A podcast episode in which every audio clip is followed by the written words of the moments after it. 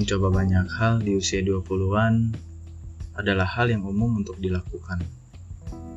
Tapi ada baiknya kamu fokus dalam satu hal dulu dan menguasai hal tersebut secara mendalam. Jadikanlah penguasaan kamu terhadap satu hal tersebut sebagai ciri khas kamu di masa depan.